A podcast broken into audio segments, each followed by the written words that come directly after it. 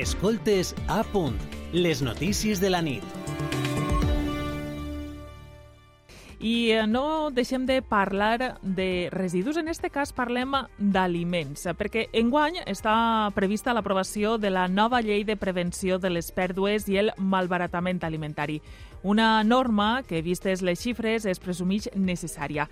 A Espanya es malbaraten 7,7 milions de tones de menjar a l'any. A Europa es produeixen 89 milions de tones de pèrdues i desaprofitaments, sense comptar les mimbes i el que es descarta en la producció primària. De fet, entre el 30 i el 50% dels aliments comestibles produïts al sí de la Unió Europea no es consumeixen el passat 7 de juny de 2022, el Consell de Ministres va aprovar el projecte d'esta llei, la primera de l'Estat en esta matèria.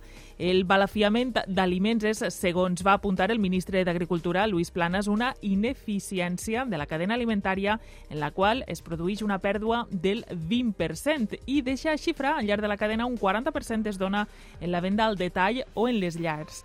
Per això, la llei té en la conscienciació social un dels seus pilars. Però acostem el focus a cada llar i eh, el que veiem és que aproximadament 70 quilos d'aliments i begudes durant 2021, tot i que no totes les cases eh, malbaraten en la mateixa producció, se'n van anar al FEM, eh, tot i que va ser menys de, de l'any anterior. Em, la normativa està previst que entre en vigor durant la primera meitat d'enguany i davant d'aquest canvi legislatiu, AINIA organitza demà dijous 2 de febrer la jornada Malbaratament Zero, Obligacions i Oportunitats de la nova llei de desaprofitament alimentari. Hi participen més de 15 persones expertes d'empreses, organitzacions i centres d'investigació. Debatran com afecta tota la cadena alimentària. A més, exposaran tecnologies per a facilitar la seva adaptació i casos d'èxit. I per a aprofundir en aquesta qüestió, tenim comunicació amb un dels ponents, el responsable del Departament de Dret Alimentari de la INIA, José María Ferrer. Molt bona nit. Ah, bones nits.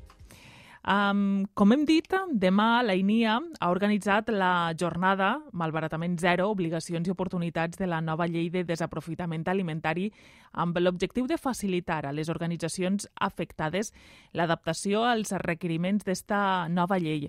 Ens podria explicar a grans trets quins són aquests requeriments que s'hauran de complir? Bueno, la, la, futura ley que esperamos que se apruebe durante este primer semestre de 2023 Eh, entre otros aspectos, lo que va a plantear es que eh, los operadores eh, cuenten con medidas específicas para la prevención de las pérdidas y el desperdicio de, de alimentos a lo largo de toda la cadena alimentaria. Esas medidas específicas se van a plantear tanto para la industria alimentaria con carácter general como para lo que podemos denominar el canal Oreca, en, esos casos también se va a aplicar.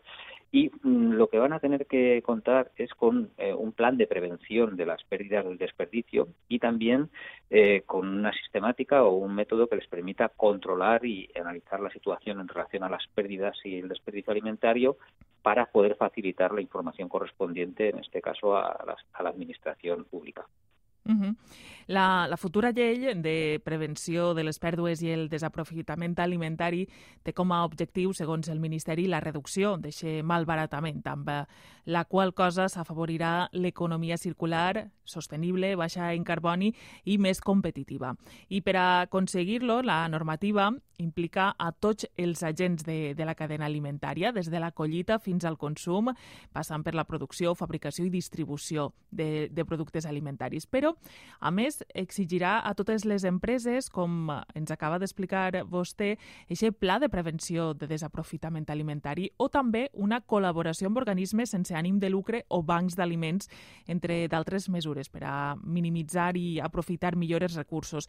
Ens podria dir en quina situació estan les empreses en la posada a punt d'estos extrems? Estan, podríem dir, preparades per a complir amb la llei?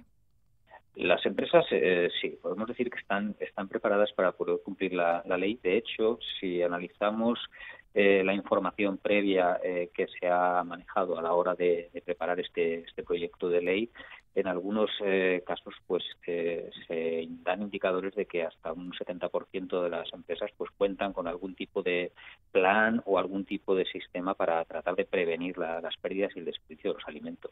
Entonces podemos entender que eh, para estar preparadas y que además las medidas que, que, se planteen pues son unas medidas que por un lado apoyan la economía circular, pero por otro lado también eh, el principal interesado va a ser el propio operador alimentario que va a poder aprovechar mejor la producción de, alimentos. Sí, perquè, mm, per exemple, no? si parlem de, de la restauració, eh, són els principals eh, interessats o els supermercats o les botigues d'alimentació eh, els principals interessats en, en no perdre no? Eh, productes, sobretot frescos, eh, tot i que també en conserva, que no passe no? eixa data preferent per a no tindre pèrdues, entenem. Sí, son los principales interesados y además también debemos eh, tener en cuenta que en este tipo de, medidas eh, un aspecto que se ha que se ha analizado y que se pretende eh, minimizar es el desperdicio de recursos, ya no solamente los alimentos directamente, sino los recursos que se emplean para su producción cuando esos productos alimenticios pues no llegan a consumirse. Entonces, desde ese punto de vista, es un elemento beneficioso para, para todos. Uh -huh. I eh, quins serien els reptes i també les oportunitats que presenta aquesta nova llei, tot i que ens ha donat ja alguna pinzellada? Eh, el, principal, el principal reto que, que presenta la ley es ver cómo eh, entre todos eh, logramos que eh, se produzca una reducción efectiva de las, pérdidas y el desperdicio de alimentos. Y, y, digo entre todos en el sentido de que eh, esas pérdidas se, se pueden eh, producir pues en el hogar de cualquiera de nosotros o en un establecimiento agroalimentario o en la producción primaria también se puede producir. Y desde ese punto de vista, eh, la, el reto es que consigamos que se, se reduzcan y eh, la oportunidad es que todas aquellas medidas que se puedan plantear para mejorar esa situación, pues van a hacer que contemos con un sistema alimentario mucho más eficiente. Uh -huh.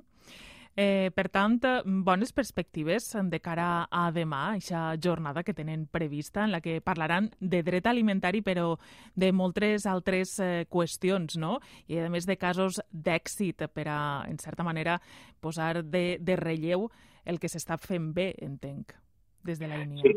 Sí, sí, tenemos eh, buenas perspectivas de cara a la, a la, a la jornada de mañana. Eh, porque además eh, entendemos que es una muy buena oportunidad para, eh, desde un enfoque holístico, pues abordar este tema. Es decir, vamos a hablar desde el punto de vista eh, legislativo, porque hablamos de un proyecto de ley, pero por supuesto que también hablaremos de cuestiones relacionadas con las tecnologías y otros aspectos que hay que aplicar para lograr que esas pérdidas y el desperdicio de alimentos pues no se produzca. Desde ese punto de vista, confiamos en que eh, podrá ser muy interesante el desarrollo de la, de la jornada que vamos a desarrollar mañana. De segur que sí que ho és, com uh, el que ens ha pogut aportar en este informatiu. Moltíssimes gràcies, José María Ferrer, responsable del Departament de Dret Alimentari de la INIA. Gracias a ustedes. Buenas noches. Bona nit. Escoltes a punt, les notícies de la nit.